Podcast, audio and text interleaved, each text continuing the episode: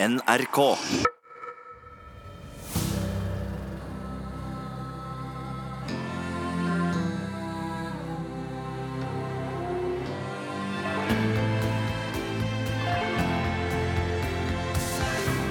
Loven sier at det norske folk i fellesskap eier fisken i havet.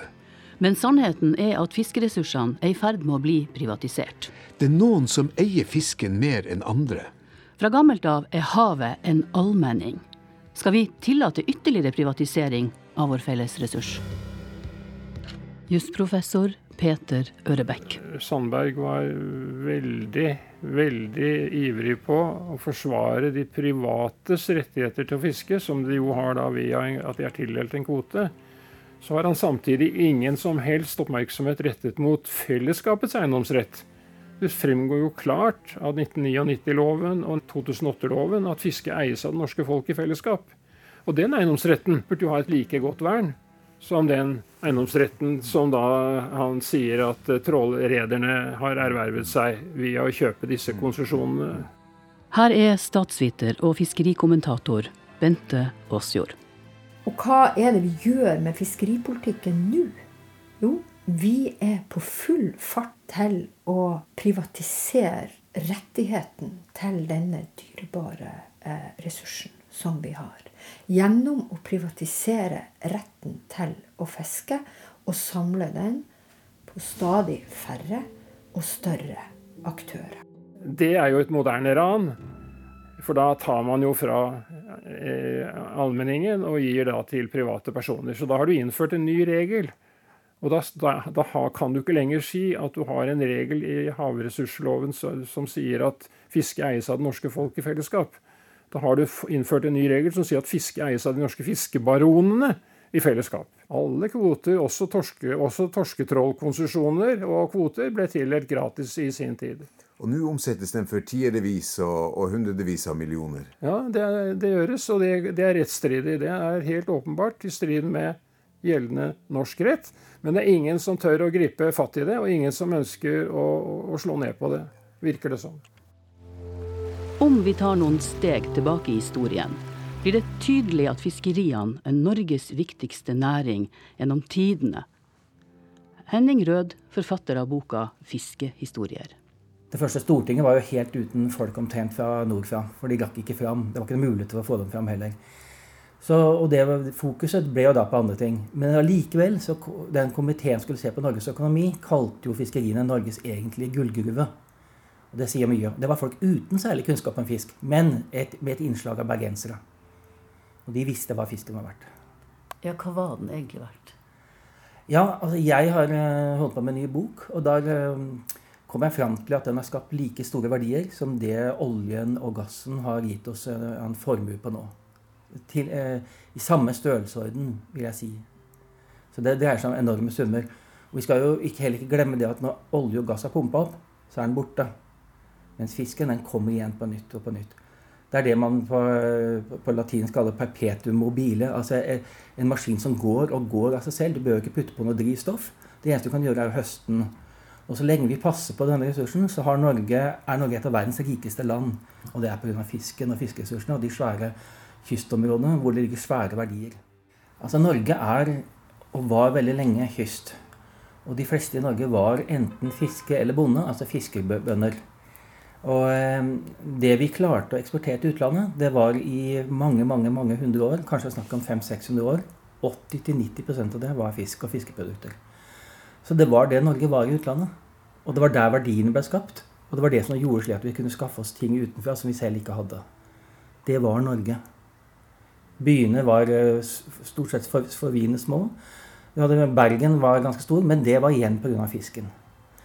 Og det sier jo også litt om Norge at de første kartene hvor liksom nesten hele Norge er med, så er det Bergen og Nidaros, og så er det Lofoten-området som er merka med navn. Fiskerikommentator Bente Aasjord skjønner godt at begrepet gullgruve ble brukt av de første eidsvollsmennene. Og det er jo ei gullgruve som fornyer seg sjøl hele tida. Altså, vi, vi, er, vi er blitt uh, altså Den sjargongen som går nå, er at vi har blitt verdens rikeste land fordi vi vi, har så rike oljeressurser. Ja, men disse ressursene tar vi opp i løpet av 50 eller 100 år, hva vet jeg. Men altså, man tar de sannsynligvis opp i løpet av mindre enn 100 år. Og det har jo gjort Norge rik, og det er jo en gedigen, en, en gedigen fest. Eh, fordi vi har så mye penger. Men hvis du, hvis du beregner nåverdien av torsk om 100 år, om 1000 år, så ser man jo hvor mye hvor uendelig mye, mye mer verdifull fiskeressursene er. Og da, og da, ser man også hvor Ja, det er mange i dag som har levebrød, og noen er vidunderlig rik eh, på å ha rettigheter til fiske. Men det vi må tenke, er jo hvordan ser Norge ut om 100 år? Hva er allmenning? Hva betyr det? Vi har spurt jusprofessor Peter Ørebekk, som har spesialisert seg på fiskerilovgivning. Disse reglene om allmenning det var noen regler som ikke var helt nye, egentlig. Jeg begynte å bla meg tilbake og kom jo fort til 1604, hvor Kristian den kvart, som han het, Kristian 4., han hadde da klart å oversette fra gammelnorsk norsk, Magnus Lagabøtes landslov og, og, klarte å lage en bestemmelse som het norske lov 3.12.1. Og i den paragrafen så sto det da litt fritt gjengitt, da, dette er jo dansk tale, da, men, ja. Men det sto noe sånt noe som at uh, slik skal allmenningen være som den har vært uh, fra gammel tid, både de øvre og de ytre. Og så tenkte man jo da de øvre allmenningene må vel antageligvis være ganske høyt til fjells. Ja. og det er jo også interessant nok, og de ytre allmenningene det må jo være ganske langt uh, i fjæresteinen og utover. Havet, ja. Ja, det var havet. Og eh, hvis man da begynte å søke ytterligere tilbake, så fant man jo ut at Magnus Lagabøter, og i hans landslov fra 1274, så, så, så sto den samme regelen. Og dette var jo grunnlag for eh, ytterligere granskning, og jeg, i og med at jeg da var blitt nordlending i løpet av mitt, eh, mitt liv, så tenkte jeg jeg må prøve å undersøke hvordan hålogalendingene har, har, dette her, og hvordan har de praktisert eh, denne regelen om ytre allmenningen. Og var jo så heldig da å komme over en del eh, dokumenter eh, på Riksarkivet. Bl.a. et dokument fra 1107, som var altså da en, en, en, en rettarbot. Et slags kombinert gavebrev og en kongelig bestemmelse. Og den som utstedte det, det var eh, kong Øystein. Og kong Øystein han var, var sønn av Magnus Berfødt. Og Magnus Berfødt han var født og oppvokst i Irland, i, i, Dublin. Så han kom jo da til Norge og hevdet at han var kongssønn, og, og, det slo godt an. Og, det, og, han fikk da disse tre sønnene, som var, var Sigurd, og det var den berømte jordsalfar. Og så var det, var det Olav, og så var det eh, Øystein. Øystein var yndlingssønnen, og han ble spurt først om hvilken del av riket vil du ha. Det var jo vanlig den gangen at man delte riket mellom, mellom eh, sønnene. Og Øystein han hadde jo vett og forstand og så nordover og sa han ville ha nord. Hålogaland. Ja, han valgte først og tok den beste delen. Men hvordan allting var eh, Det hadde nok litt med verdier å gjøre. For han hadde nok sett at man hadde et lofotfiske som ga stor uttelling. og var en ryggrad i den norske økonomien såpass tidlig som på, på 1100-tallet. Og han, eh, han, utstedde da en, en rettarbot som gikk ut på at alle hålogalendinger skulle ha fri adgang til den ytre allmenningen og kunne høste av den som de ville. Mot at når de var i Lofotfiske, så skulle de levere fem fisker som betaling for dette fisket til kongen. Og fem fisker, det var fem tørrfisk. Så når de kom da på fiske i Lofoten, så hadde de med seg eh, fem, fem, fisk av fjorårets fangst. Og da ble det overlevert til kongens menn i, i Vågan eller i Svolvær. Så han fikk jo da en inntekt av å være en snill mann, som det het, og, og ga bort dette, denne allmenningen til, til folket i nord. Alle så mot nord. Det vil ikke Bente Aasjord. Hun mener spørsmålet om fiskeri er nasjonal og angår oss alle.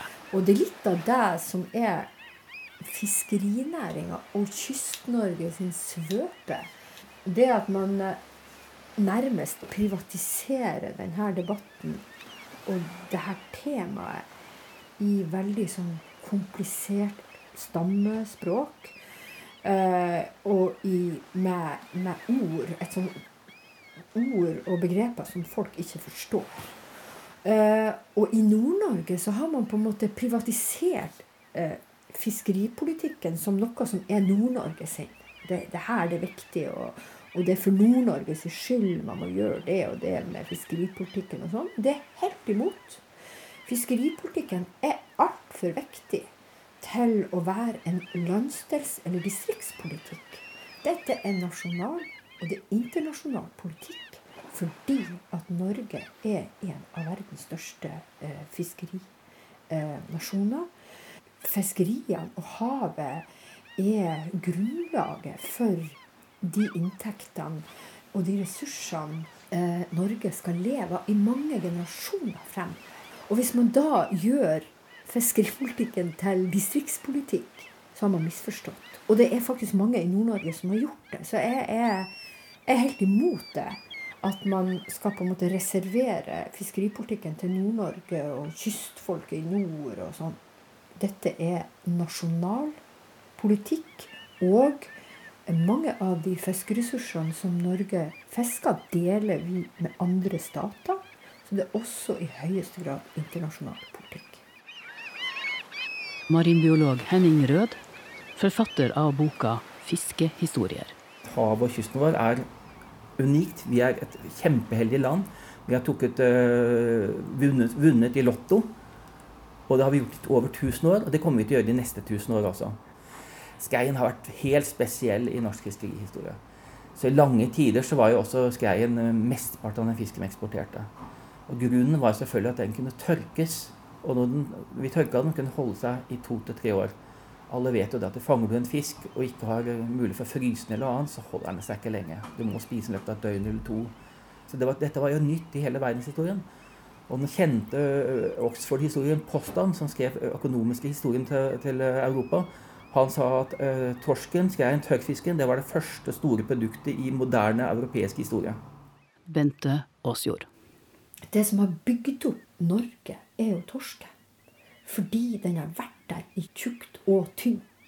I tjukt har den vært der sånn at vi kunne bli rike. I tynt har den vært der sånn at folk kunne overleve.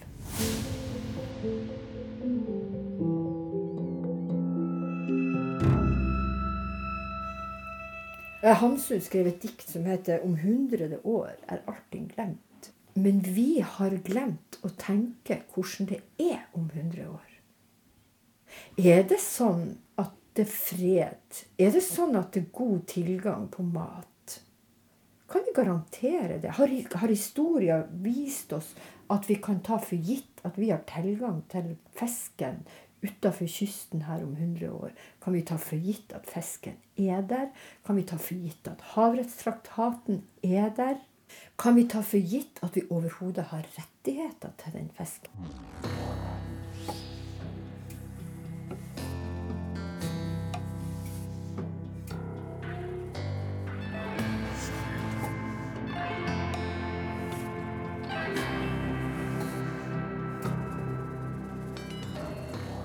Og jeg var i en debatt med en eh, bankmann fra Tromsø. Han proklamerte eh, Det var, beste var om at eh, kvotene ble en eh, Fiskerettigheter ble en global business. Eh, og så sier jeg ja, ja, men da blir det jo sånn at om 20 år så er det Coca-Cola eller Mitsubishi som, som eier torsken, rettighetene til torsken. Ja, det vil det være. Og det vil være ønskelig, for det vil være det mest effektive, sier han. Marinbiolog Henning Rød, forfatter av boka 'Fiskehistorier'. Altså Fisken som er vårt alleeie, har gått fra å være et alleie til at den er i stor grad nå kvoter som eies av noen få mennesker. og Mange av de er veldig rike. Og Det betyr jo også at ingen har spurt oss, oss andre som bor i Norge, vil dere gi bort fisken. Det har aldri stått i et valgprogram ja, og så skal vi gå inn til neste periode og gi bort fisken. Så dette er jo udemokratisk. Bente Aasjord. Vi har de siste 20 årene hatt et ideologisk hegemoni. Ikke bare i Norge, men i store deler av verden. Det ideologiske hegemoniet har vært at eh, man, skal, man skal ha mer og mer markedsretting, man skal ha mer og mer privatisering. Og man privatiserer også eh, eh, naturressurser og fornybare naturressurser. Og retten til disse ressursene. Alt skal kunne selges.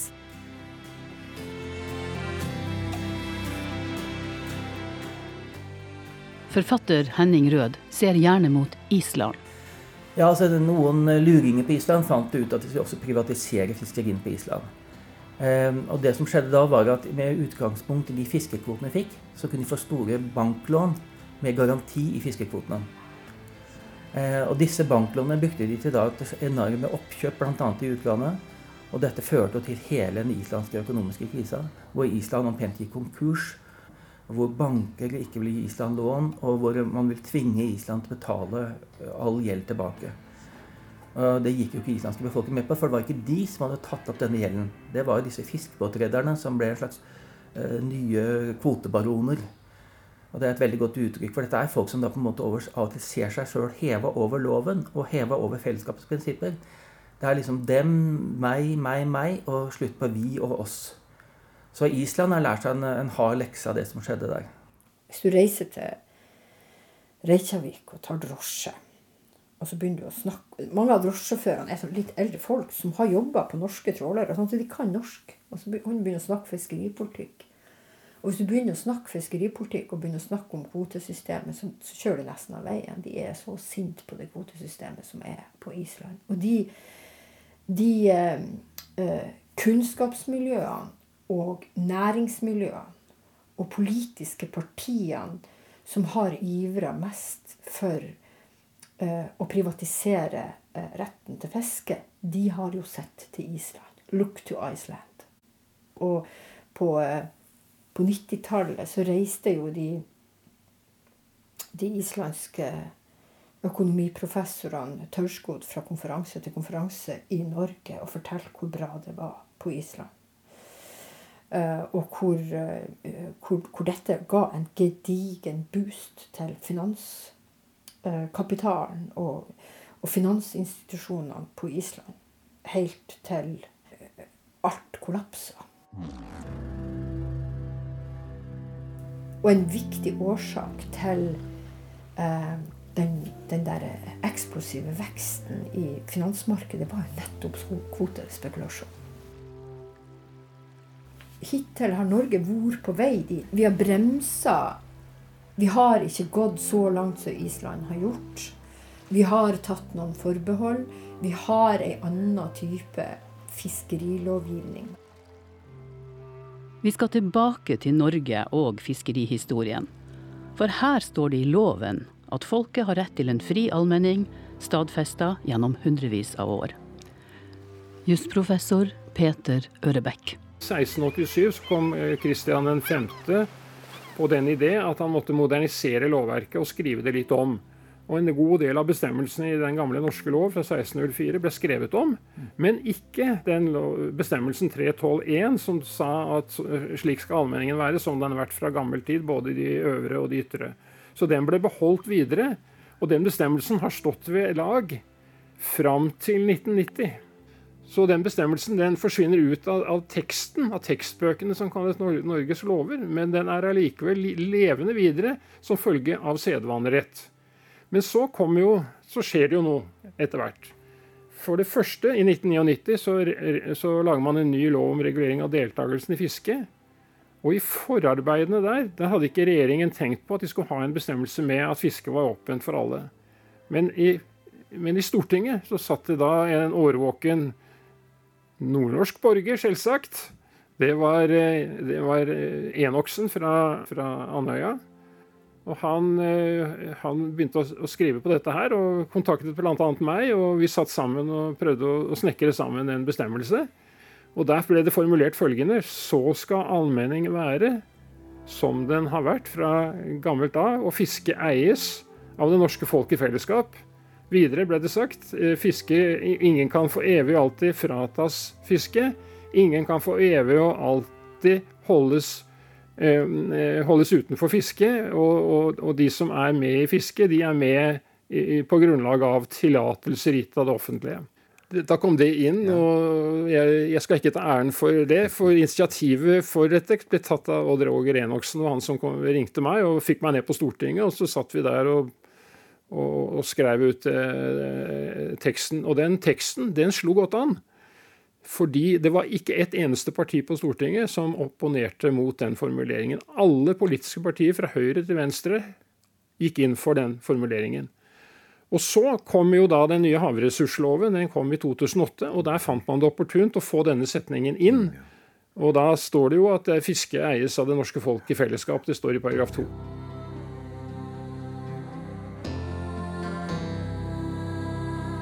Forfatter Henning Rød. Og jeg vet jo nå, i denne stortingsperioden som kommer etter neste valg, så skal det opp at det skal inn i Grunnloven en bestemmelse som sier at fisken tilhører folket. Det er ikke nok det som står der allerede. Det må faktisk inn en egen bestemmelse. Og Det kom et forslag først fra SV, og så kom det også et forslag fra Arbeiderpartiet med støtte av noen andre folk, og så kom det et forslag fra Senterpartiet. Så iallfall i de tre partiene så er det et flertall for å få inn en bestemmelse i Grunnloven som sikrer at fisken faktisk tilhører oss som bor i Norge, ikke de som eier kvotene. Hvis kvoteeierne blir noen få kjempestore aktører, så vil bare generasjonsskiftet kunne skje ved at man går på børs, og ved at man åpner for internasjonal kapital. Og da er det gjort. De samme som sto for den privatiseringen som har vært gjennomført, de prøver fortsatt en dag i dag å flytte det jeg kaller gjerdestolpene på nattestid, eller sånn når folk ikke skal merke det, slik at de mer og mer innskrenker den eiendomsretten til fisken til noen få personer. Og jeg tror at dagens kystopprør eh, er bl.a. et utslag av at folk ikke lenger finner seg i den type undergravingsvirksomhet eller eh, forbudsvirksomhet hvor at andre skal liksom få bare rettigheter, og noen skal lukes ut.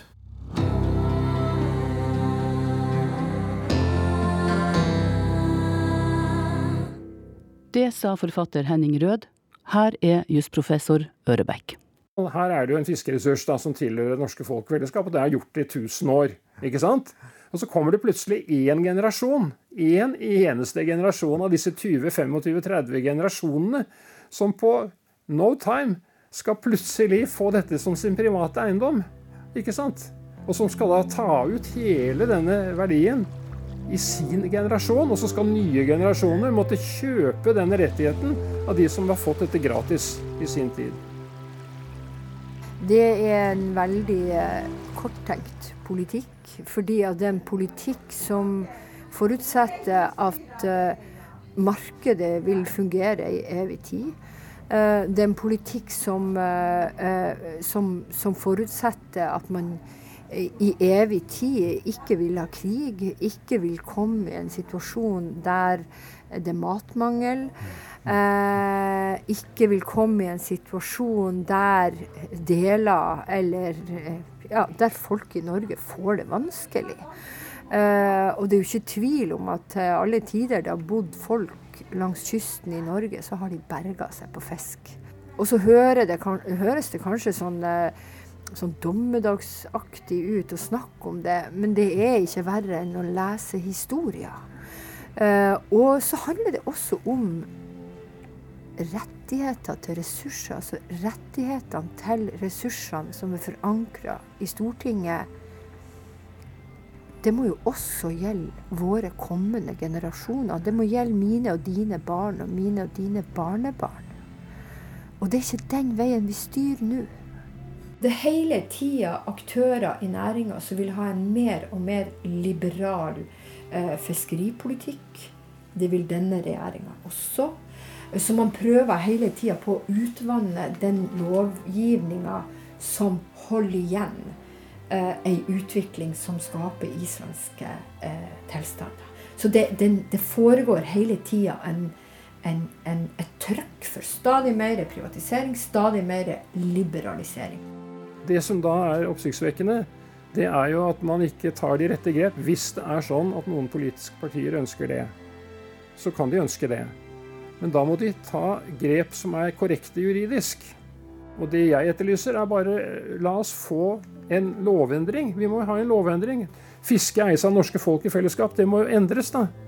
Og da må, da må da Kristelig Folkeparti, Venstre, Høyre og Frp de må formulere en annen setning som sier at kvotebaroner eller redere eller hva det er, skal heretter eie alle, sine, eh, alle sine kvotene som de er blitt tildelt i årenes løp.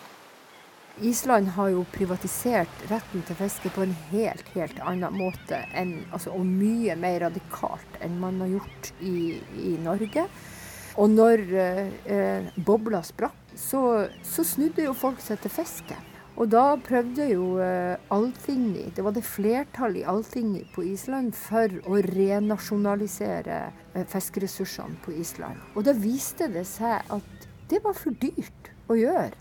Eh, så det går rett og slett ikke an. Og det blir sånn som Gunnar Grytås, den gamle, gode fiskerijournalisten, en gang sa har du først privatisert ressursene, så er det to måter man kan eh, få det tilbake på. Det ene er ved ekspropriasjon, det er dyrt. Og det andre er ved revolusjon, og det er blodig.